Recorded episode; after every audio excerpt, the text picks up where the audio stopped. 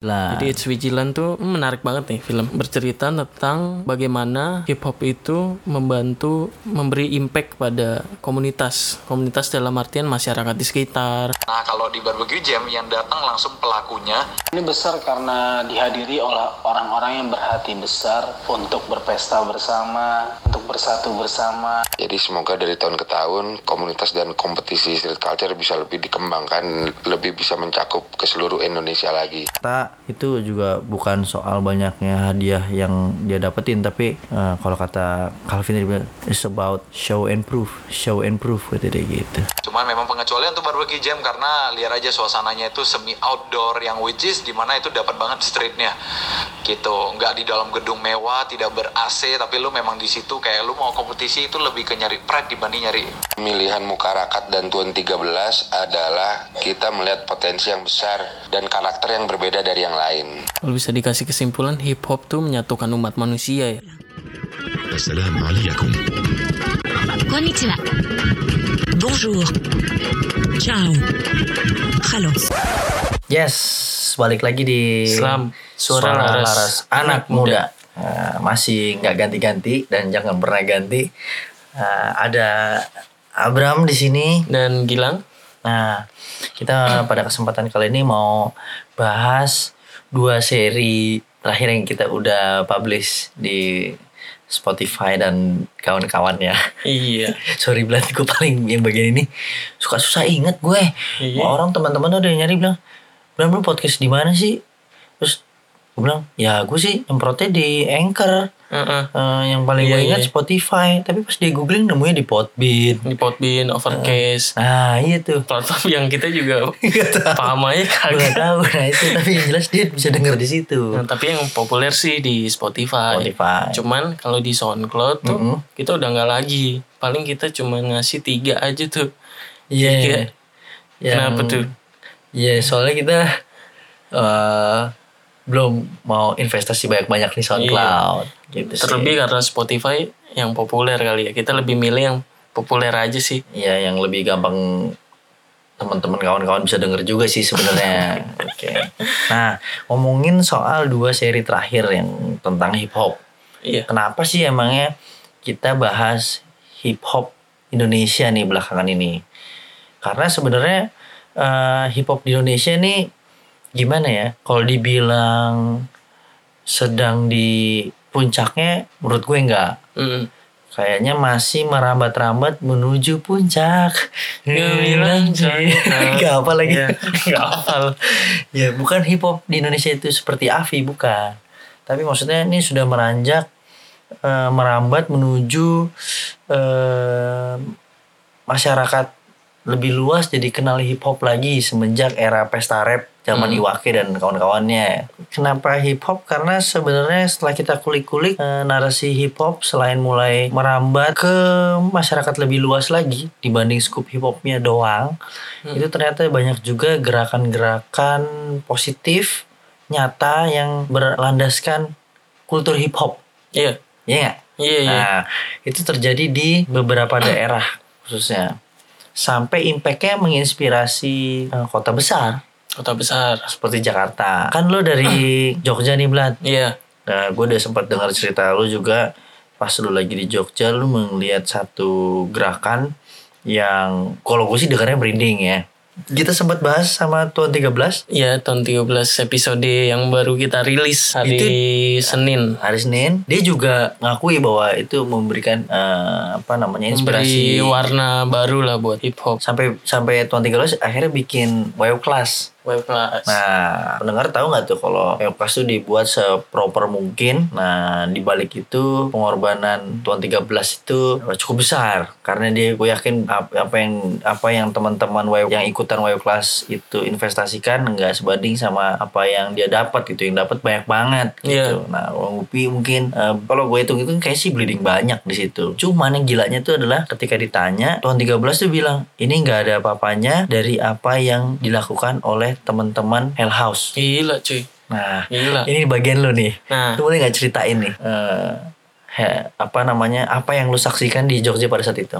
Gua nonton film Hell House. Iya, Jadi iya. itu tuh film dokumenter pertamanya Hell House. Ya, yang berjudul It's Vigilant. It's Vigilant. Jadi It's Vigilant tuh hmm, menarik banget nih film. Bercerita tentang bagaimana hip hop itu membantu memberi impact pada komunitas. Komunitas dalam artian masyarakat di sekitar, terus orang-orang yang ada di sekitar lah. Iya, iya. Salah satunya adalah eh, mereka mengadakan apa namanya program Kids on the Beat.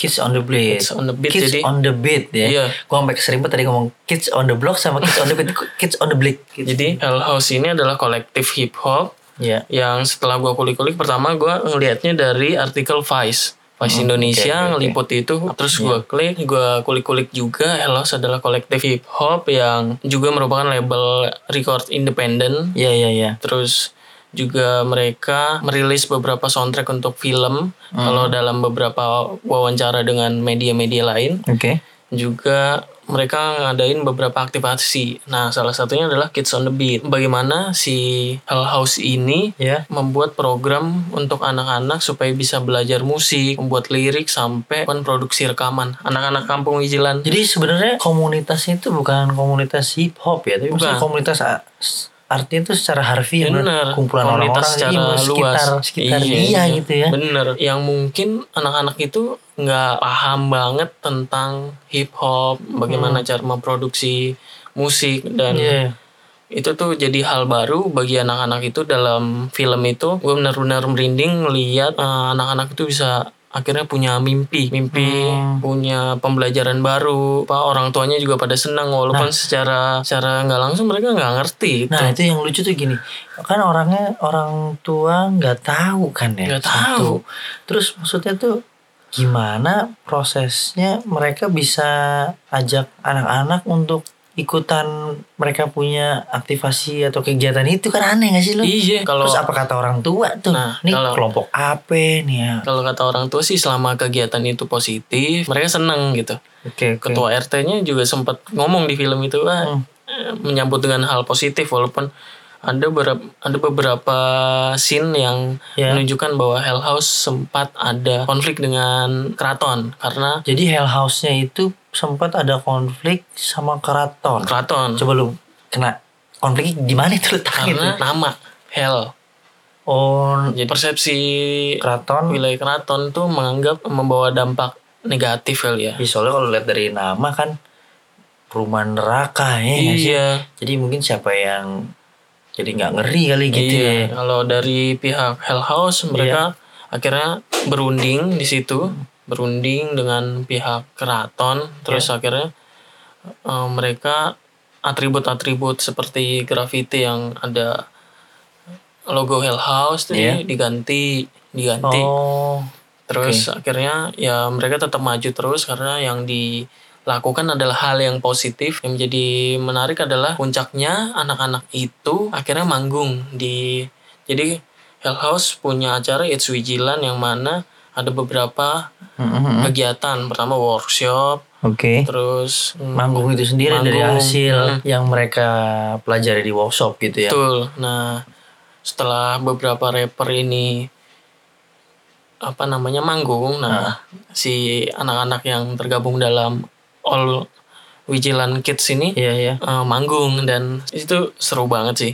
Dan lagu-lagu yang dihasilkan itu benar-benar keluar dari dari anak-anak langsung. Jadi Jadi mungkin kayak liriknya gitu jujur dari liriknya anak. jujur, liriknya jujur. Itu film dokumenter dan program aktivasi yang dilakukan oleh Hell House itu kalau bisa dibilang sangat-sangat apa konkret ya untuk Iya betul betul. masyarakat sehingga bisa berkontribusi secara umum. Benar benar benar benar. Dan se yang sepertinya sih kayak kalau misalnya hal positif itu bisa diduplikasi di kota-kota lain mungkin keren kali ya. Iya.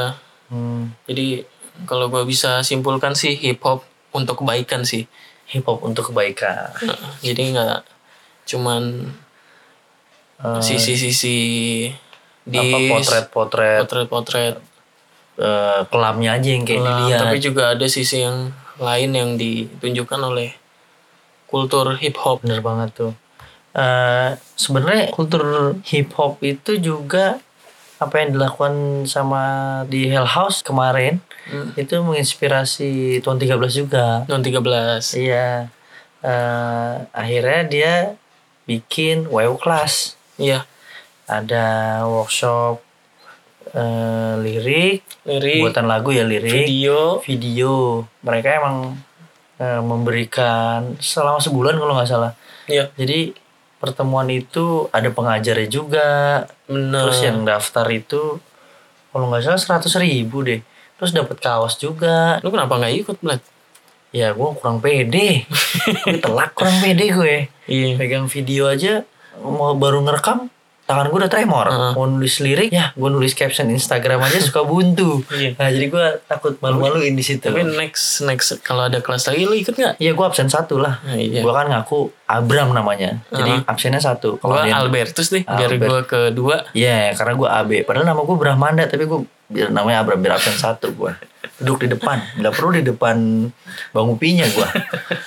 gue telat, gue tuh harus daftar tuh. Mudah-mudahan ada lagi ya WW kelas ya. Tapi juga yang dihasilkan sama W kelas juga menarik juga buat skena hip hop ini karena benar, benar, benar. mereka benar-benar kasih impact juga Iya, buat orang-orang yang mungkin baru menyentuh kultur ini. Ada satu aktivitas baru bahkan Bang Upi bilang dia kerjasama dengan IO supaya anak-anak dari WO kelas ini punya tempat untuk manggung. Oh iya, punya wadah buat ada tampil. Iya, wadah tampil dan ada beberapa juga yang apa bikin musik ya, nulis Iya. mu- nulis lirik katanya. Iya betul. Hah. Jadi dari dua kejadian itu aja sih sebenarnya kita bisa ngelihat bahwa hip hop tuh ya itu nafasnya di Indonesia gimana ya kontribusi positif lah bagi anak muda Iya. apalagi kan eh, anak muda kan belakangan ini senangnya ngeluh Mm-mm. lewat entah Twitter, entah Iya. caption Instagram atau sembarang komen gitu. Iya. Daripada sekedar itu mendingan disalurin aja energinya untuk bikin karya gitu kali ya. Iya. Bisa kenapa mungkin hip hop atau rap mungkin kan sama aja isinya juga eh, bawel juga karena ber- bermain kata. Iya. Tapi kan dalam proses membuat karya kan ada hmm, mikir dulu, dijadiin lebih indah, kira-kira yang denger senang apa enggak daripada sekedar cuman komen-komen apalagi pakai akun palsu. Menurut gue, menurut gue setuju lah ini menjadi wadah salah satu alternatif untuk Iya. menyalurkan energi-energi itulah. Betul. Gue juga pengen cerita juga sebenarnya dari episode uh, hip hop series yang pertama yang dari Fe- Fabian Create Iya. Jadi Nah. kita udah ngeluarin dua episode, episode yang bersentuhan dengan skena street culture. ya yang dari elemen bertutur aka elemen rap MC gitu ya Iya. terus kan ada elemen uh, apa namanya movement gitu bergerak break dance Iya. Nah itu kan menari dari King Create. Nah si Bian juga eh, bikin satu apa ya? Dibilang event kayaknya enakan dibilangnya tuh jamming karena eh, dari namanya aja juga santai barbecue jam. Iya. Nah kita juga pengen lihat bahwa di barbecue jam itu gimana ya ngeliatnya tuh merindingnya bukan karena partinya tapi di dalam kepartian itu ada sebuah wajah kemajemukan yang akur, nyampur, Hmm. eh, padu jadi Iya. santai aja gitu. Iya.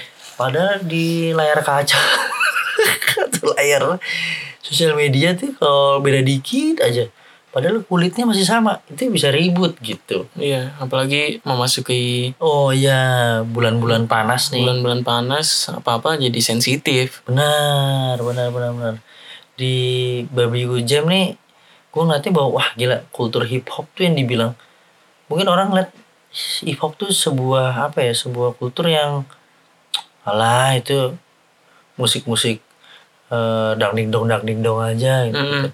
Padahal kan isinya ada break dance, ada eh, rap, ada DJ, ada graffiti. Terus di elemen-elemen itu juga masing-masing elemen itu punya komunitas-komunitas masing-masing gitu. Yang bisa merepresentatif entah daerahnya atau tongkrongannya. Mm-mm. Which is itu beda-beda. Iya. Tapi mereka ada acara barbecue jam itu bisa bareng-bareng. Nah, itu yang unik di situ sebenarnya. Padahal rangkaian acaranya itu untuk menarik orang-orang partisipasi untuk datang Iya. itu tuh dia bu- bikin battle juga Oke. battle lo bayangin jadi diaprokin maksudnya itu mereka disuruh kompetisi juga Iya. tapi kompetisi. nggak ada nggak ada kericuhan kan lucu kompetisinya tuh juga dari mm, tiga skena yang beda yang pertama b-boy Dance, B-boy. yang kedua itu uh, open style jadi dia uh, street dance street dance Uh, yang ketiga itu ini menari tapi pakai bola basket jadi freestyle basket Lu ya? ya ini Kemarin skena gue nih. nih ya skena gue nih gue agak bangga nih bisa diajak di barbecue jam Oke. Mm-mm. Nah, eh, terus ini kan acaranya jamming santai, tapi peserta yang ikut itu banyak loh. Dari open style aja 25 tim. 25 Oke. tim tuh ya 50 orang. Dari B-boy itu 21 tim berarti 42 orang. Dari basket 10 tim ya berarti 20 orang. Jadi udah dari peserta aja udah hampir 100 orang. Oke. Ini baru dari peserta. Yang nonton kan banyak juga. Banyak juga. Kumpul di satu tuh. Jadi kemarin acaranya di Twilo Kemang ya? Ah, Di Lo Kemang, Kalau hari- boleh deskripsiin tuh Lo Kemang tuh skate park, mini Skate skate park. Eh, jadi mereka tuh suasananya tuh kayaknya macem-macem, tapi bisa party bareng. Oke. Mm-mm. Jadi barbecue udah menginjak volume 5 ya? Ya, yang Jadi- kelima sekaligus juga menjadi hajatan Urban Inc yang, Yang ke-10. ke-10. Ini menurut gua kayak bentuk nyata sebuah brand yang street culture. Karena nafasnya itu gimana nggak street culture apa yang mereka dapat terus mereka give back lagi ke skena-skena yang eh, memang berkaitan erat sama Urban Inc sendiri Iya. Gitu. real nih real Hmm. bahkan eh, orang-orang yang datang itu juga ngerasa bukan seneng datang Ya. tapi bangga Bangga ya? pernah dalam bagian dari acara itu dan menjadi saksi dari volume 1, 2, 3, 4 sampai 5. Ini dari tahun ke tahun selalu rame ya Rame, acara rame. ini Volkan pelaku-pelaku street culture tuh pada tumpah semua di situ Iya benar banget. Terus dengan santainya mereka tuh ngundang juga. Jadi bukan sekedar ayo dong datang, bukan tapi memang ada undangannya walaupun dalam bentuk digital. gitu. oke ini lintas generasi Lintas lintas, generasi. ras suku Benar, benar, benar, benar. semua pada tumpah di situ Benar. Berbaur. Di- berbaur. Akur. Hmm, Yang lucunya kalau misalnya bilang lintas generasi, jadi yang generasi muda ada, juga yang menginfluence anak muda. Itu juga eh, berkenan hadir walaupun kemarin belum bisa sempat hadir. Itu Bim Bim Slang. bim bim slang Nah, Bim Slang kan generasinya itu generasi senior dong. iya Kalau semua soal ras, semua ada dari Jakarta, Jawa, bahkan tamu dari luar negeri juga ada juga iya itu barbecue jam ketiga ada yang dari Amerika ada yang barbecue jam kemarin sempat yang ketangkep tuh ada negara tetangga Malaysia itu juga sempat jadi eh, juara di battle uh, b-boynya. Oke. Itu juga dari Malaysia tuh. Maksudnya ini ajang bukan event eh, yang berhadiah puluhan juta loh. Iya. Ini benar-benar kolektif tapi dia bela-belain dari Malaysia. Jangkauannya luas banget ya. Datang ke sini Gila, iya makanya loh.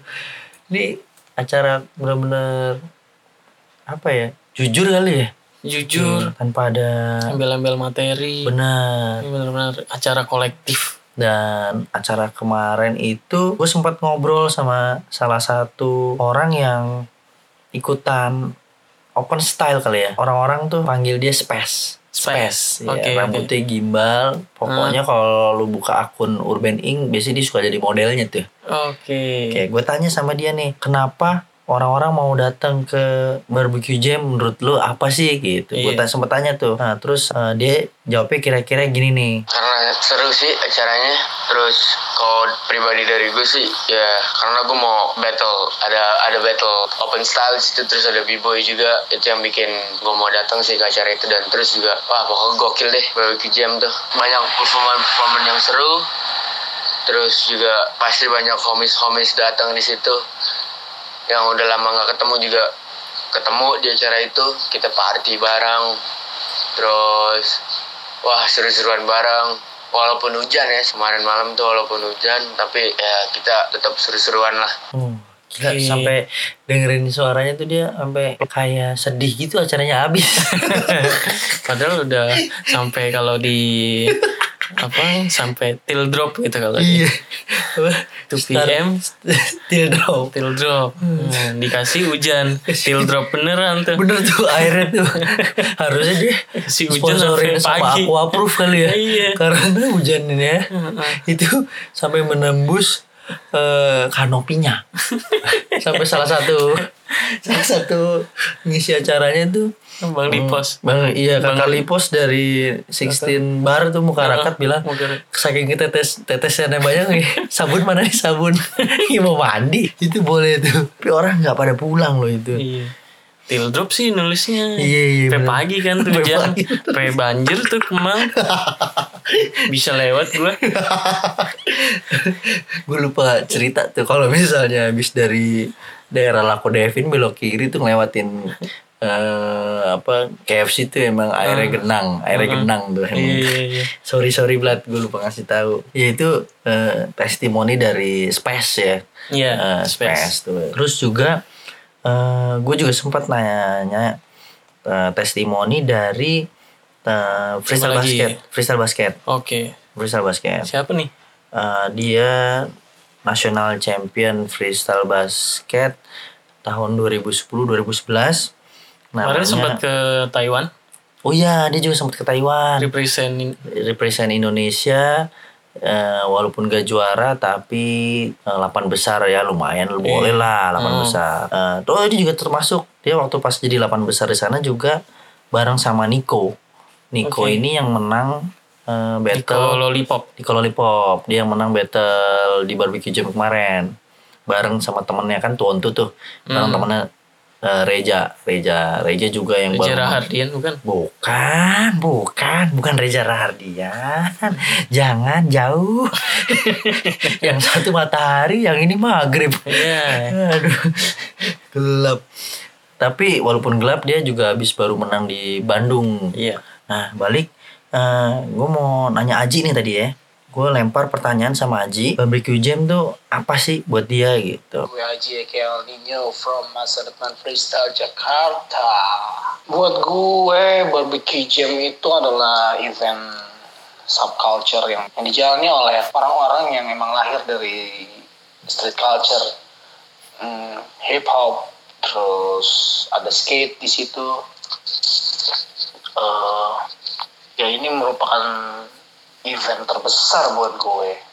Event subculture terbesar buat gue karena bukan besar bukan besar hadiahnya bukan besar modalnya bukan besar skala eventnya tapi event ini besar karena dihadiri oleh orang-orang yang berhati besar untuk berpesta bersama untuk bersatu bersama untuk meneriakkan eksistensi di masing-masing skena. Event ini besar karena mereka yang hadir bukan untuk hadiah yang besar. Mereka yang hadir bukan untuk memperebutkan menang atau kalah.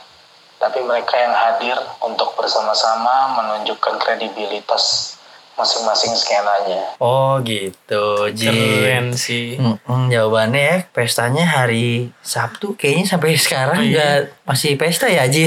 keren sih Aji Ji Aji belum bisa move on belum belum dari pesta vibesnya masih berasa Vibe masih berasa. Memang. Thank you, Aji. Thank you, Ji. Nah, gue juga eh, sedikit memberi gambaran sama Aji juga.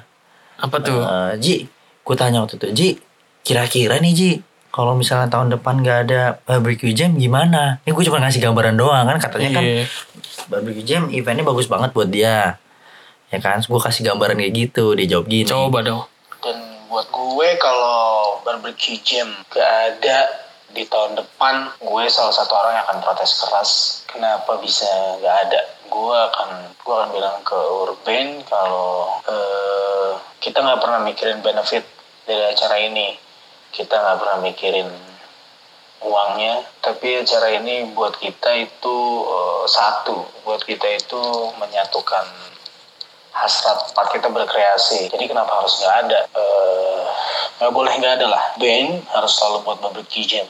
Kalau tahun depan Urban nggak nggak bikin barbecue jam, gue harap teman-teman yang lain masih tetap mengadakan barbecue jam kita bisa bilang-bilang bilang bareng-bareng ke Bian ke Riko barbecue jam harus di tetap ada Oh, ya sangat dihayati sekali ya sama Iya, Aji ya. iya. Sebuah acara barbecue jam Kayaknya. Aji sedih deh kalau sampai acara barbecue jam urban tuh pengen nggak ada. Makanya agak-agak lemes banget. lemes. Padahal ini gue cuma berandai-andai doang Ah, gitu. Tapi tenang, Ji.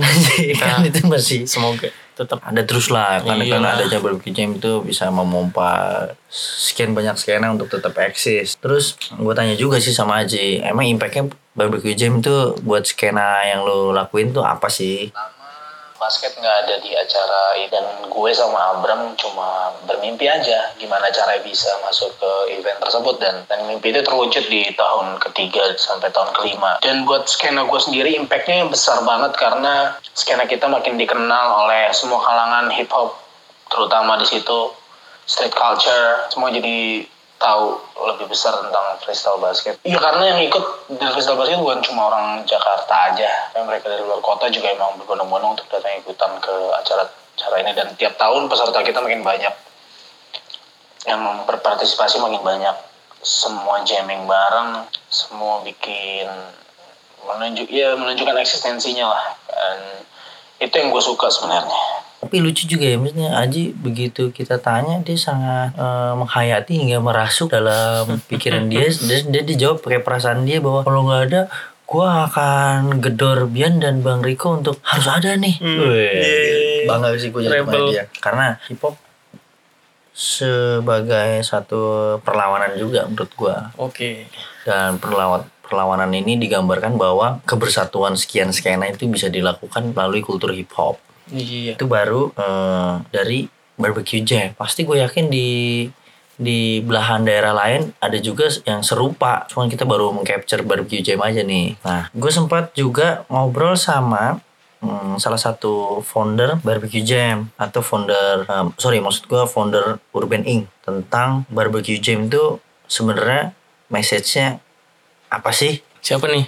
nah ini gue langsung tanya ke Bang Riko Oke, Spin Boy. Spin Boy. Beliau jawab demikian. kita ingin selalu menjaga komunikasi dan menjaga movement di street culture supaya kalau nggak dimulai dari kita siapa lagi karena komunitas street culture itu belum terlalu besar sehingga harus terus di maintain jadi semoga dari tahun ke tahun komunitas dan kompetisi street culture bisa lebih dikembangkan lebih bisa mencakup ke seluruh Indonesia lagi. Dan harapannya lebih bisa menjalin prestasi lagi untuk ke depannya Oh gitu. Amin, Riko, amin, amin. Kita doain deh. Semoga nggak cuman di Jakarta aja gitu ya. Hmm, Dia bisa melebar. ke daerah-daerah lain. Eh, karena skena-skena street culture Sebenarnya tumbuh juga di daerah Tumbuh lain. juga. Kan mungkin eh, satu mungkin kita belum capture itu sedetail urban. Iya. Dua mungkin ada beberapa teman-teman yang mau coba sponsorin kita. Bilang di- Iya. Dan akhirnya gue juga timbul pertanyaan juga memang harapannya kultur street ini eh, dan pelakunya untuk ke depannya gimana sih Bang Riko gitu Kalau harapannya ialah pelaku street culture bisa berdiri sendiri di bidangnya sehingga mungkin ke depannya bisa menjadi industri. Contoh, kalian juga bisa punya bisnis dari clothing line, kalian punya bisnis dari bidang F&B juga mungkin. Bahwa hobi kalian ini bukan hanya bisa menjadi sampingan.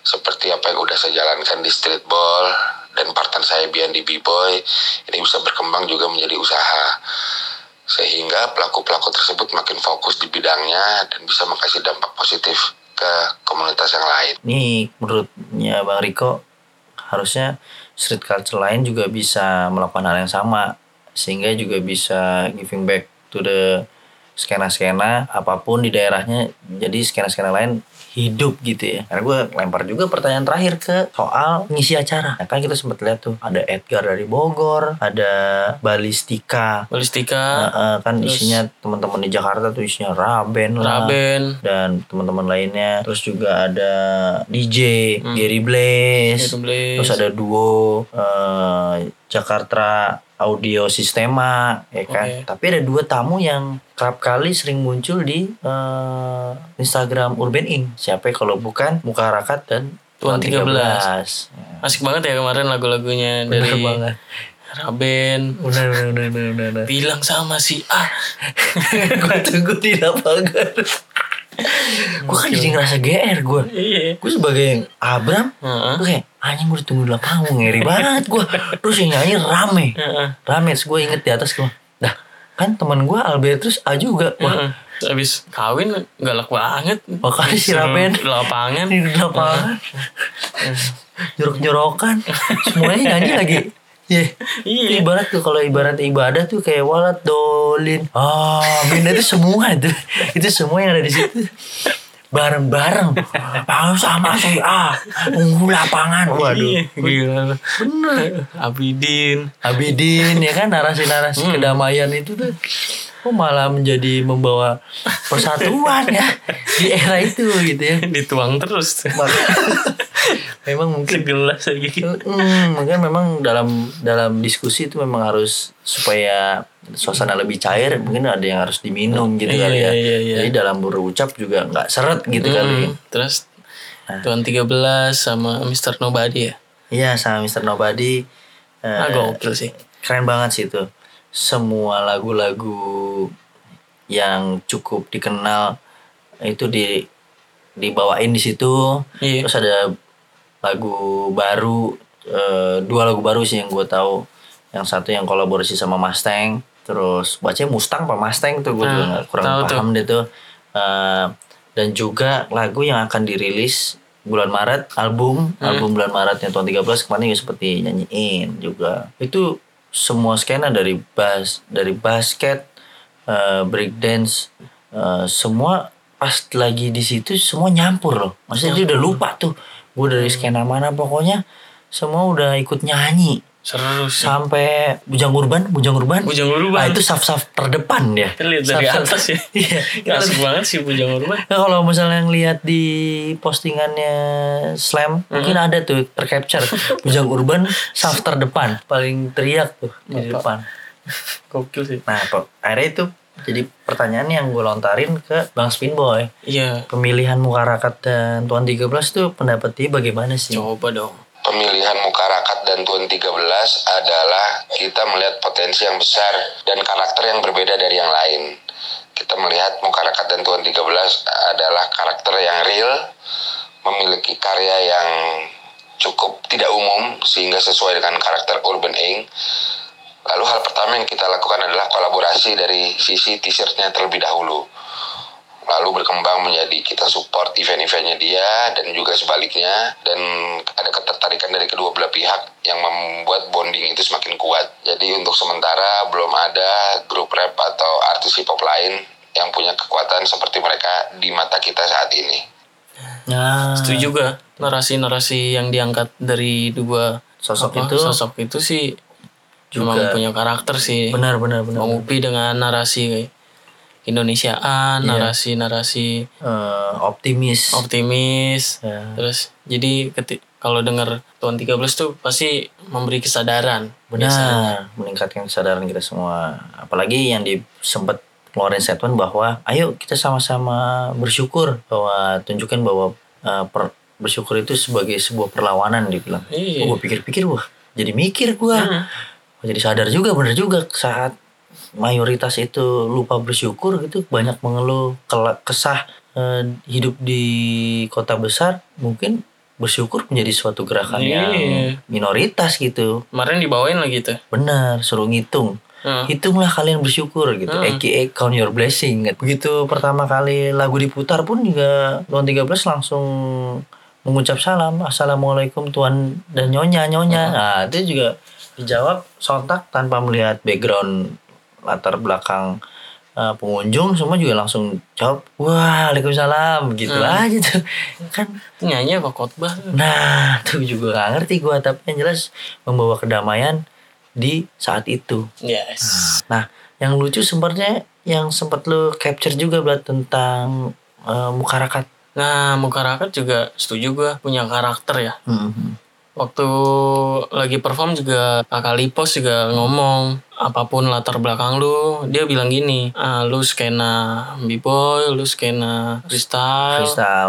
lu rapper lu bahkan yang bukan dari golongan street culture Iya. tapi bisa ngumpul di sini Iya iya. Eh, terus akhirnya dipertemukan kita semua atas dasar hip hop gitu. Jadi eh, katanya walaupun musik kita tidak diketahui oleh sama teman-teman, tapi hip hop itu yang mempertemukan kita semua. Gitu. Benar benar benar benar.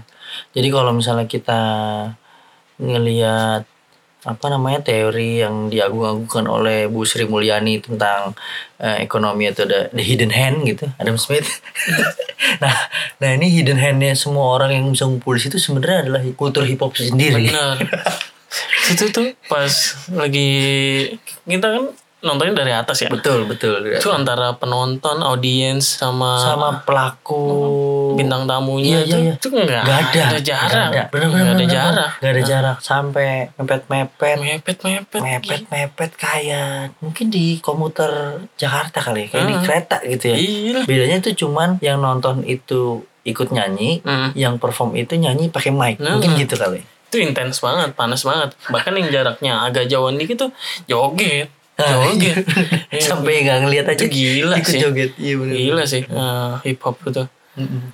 menurut gue itu kan sebuah hajatan dari ulang tahun ke 10 nya Urban ya Hmm. Terus mereka itu merayakan kesenangan kesenangan gitu ya atas ulang tahunnya Urban. Mungkin ini syukuran era baru kali Iya. bahwa seperti DNA-DNA yang sudah ada di Indonesia pada sebelumnya bahwa misalnya kayak musim panen, Hmm. syukuran, akhirnya mereka upacara rame-rame makan bareng, Iya. ya kan? Sebenarnya jadi ini kultur yang kemarin dilakuin tuh sebenarnya sama lagi syukuran, kan bedanya melalui balutan hip hop gitu. Iya. Menurut gua nggak salah sih selama bisa mempersatukan banyak background. Iya lah. Di samping itu isu-isu panasnya pilpres ini juga banyak picu belah apa ya belah-belah konflik, gitu. Jadi kalau bisa dikasih kesimpulan hip hop tuh menyatukan umat manusia ya. Wah bener banget. Gila ya. Gokil tuh. Gue seneng gue ada di bagian itu. Keren. Maksudnya di, ha- di hari itu gue ada di iya, bagian gue itu. juga Seneng seneng, banget. seneng banget. Walaupun sampai till drop ya. Sampai beberapa orang kalau besoknya kita survei banyak yang drop juga badannya. Gila. Mm-mm. Begel. Mm-mm. Pulang hujan-hujanan.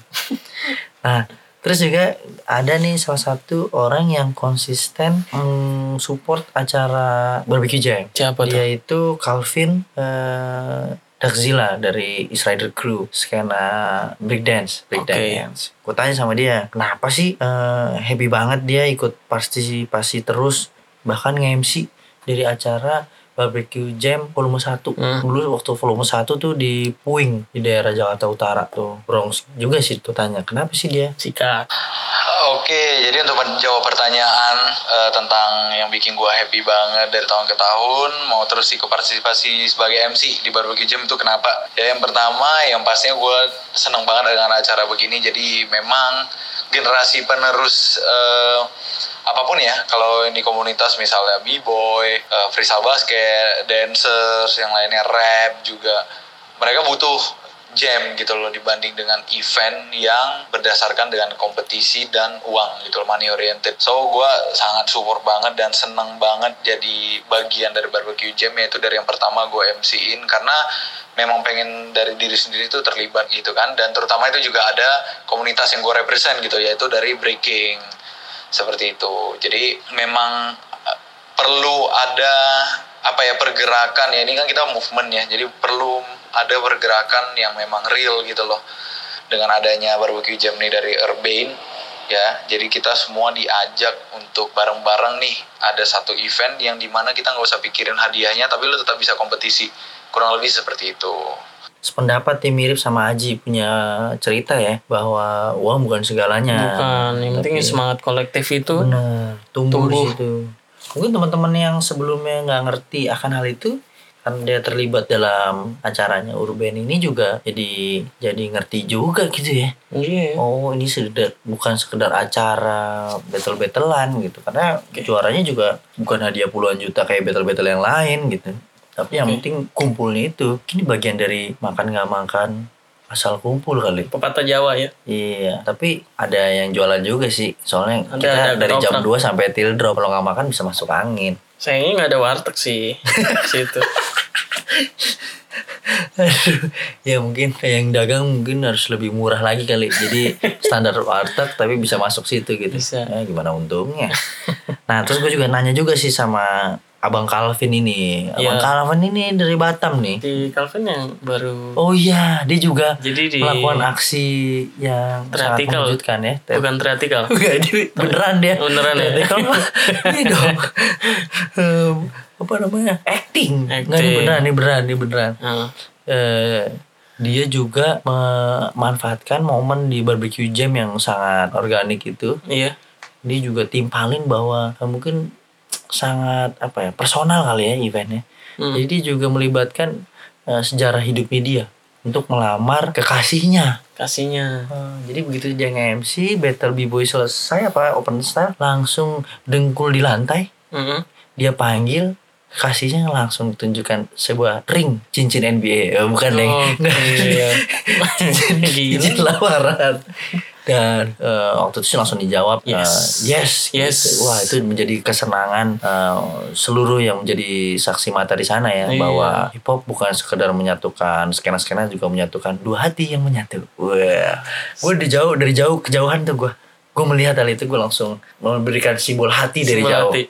jadi gue langsung memberikan simbol hati bersama teman-teman freestyle basket semua di atas eh, skate park gitu.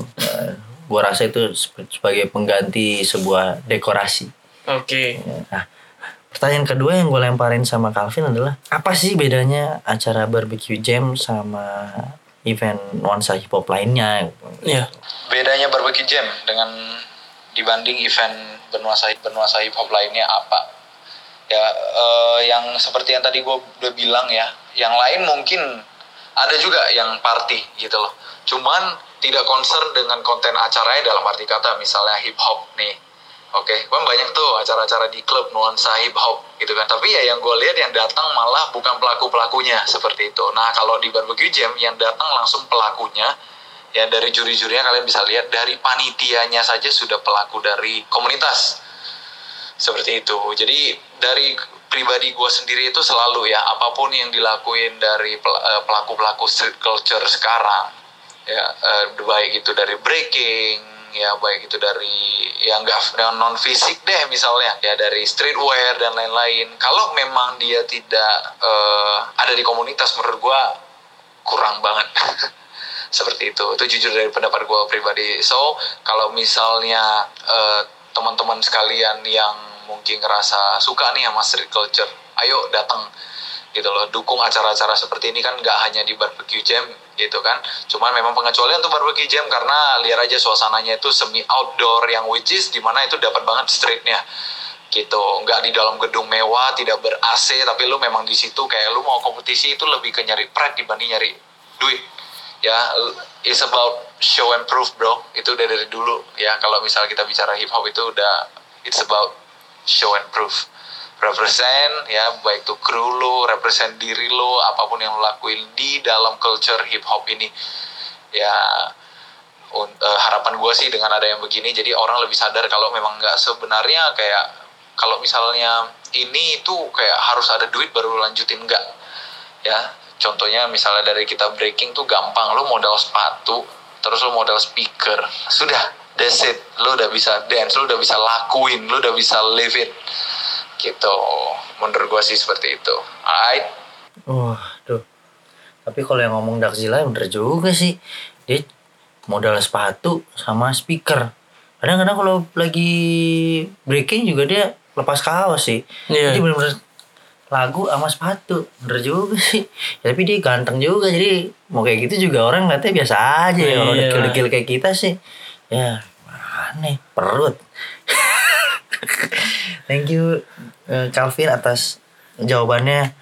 Eh, ini salah satu bentuk bukti nyata ya bahwa yang hadir di barbecue jam itu memang pelaku pelakunya dan sangat saling menghargai. Jadi mereka nggak peduli uang di belakangnya tapi bagaimana mereka bisa saling sama-sama kok secara kolektif berkontribusi untuk gedein skena ini. Yes.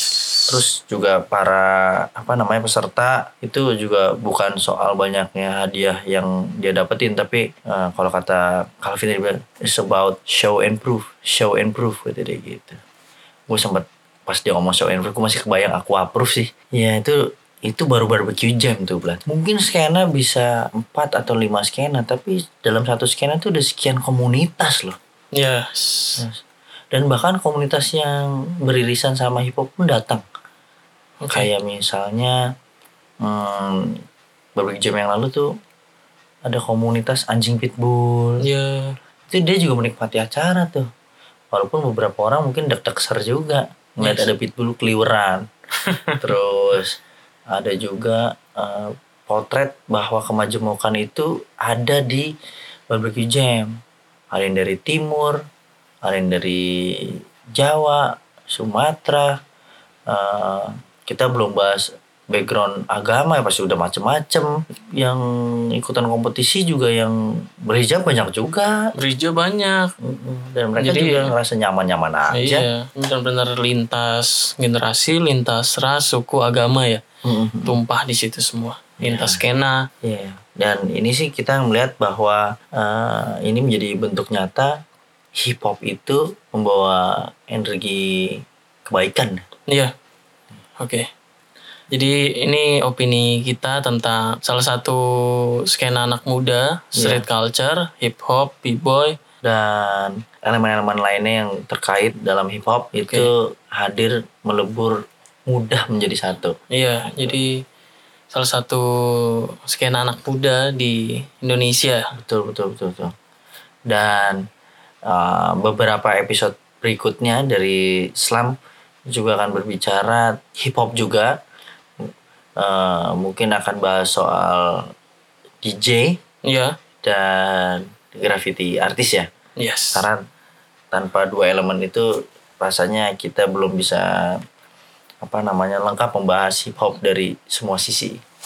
Mungkin dari Abram Dan dan, Gilang, saat ini pamit dulu. pamit. Eh, semoga informasi yang kita bagikan juga bisa menjadi hal yang bermanfaat betul. dan terus bergulir ya. Iya, ini kalau ada beberapa opini kita yang kurang tepat itu bisa langsung didiskusin aja. Iya iya iya. Saling bisa- senggol. Eh Betul. salah lu. Mm-mm. Bukan ini. Sotoy lu Bram. Komen aja. Iya. Nanti kita Eh, karena itu kita juga butuh juga buat kita masukan. diskusi buat bareng. Ya. Semoga Semoga skena ini terus tumbuh dan semakin solid benar banget dan memberi impact untuk komunitas secara umum. dan menginspirasi menjadi potret untuk gambaran Indonesia yang lebih luas ya. Benar. Jadi potret gambaran anak muda tuh yang kayak gini gitu, bukan yang elit-elit saja yang ditampilkan di media atau di publik. Nah, Betul betul betul. betul. Oke. Gilang dan Abram pamit dari Islam Indonesia. Suara laras anak muda. Assalamualaikum. Dah.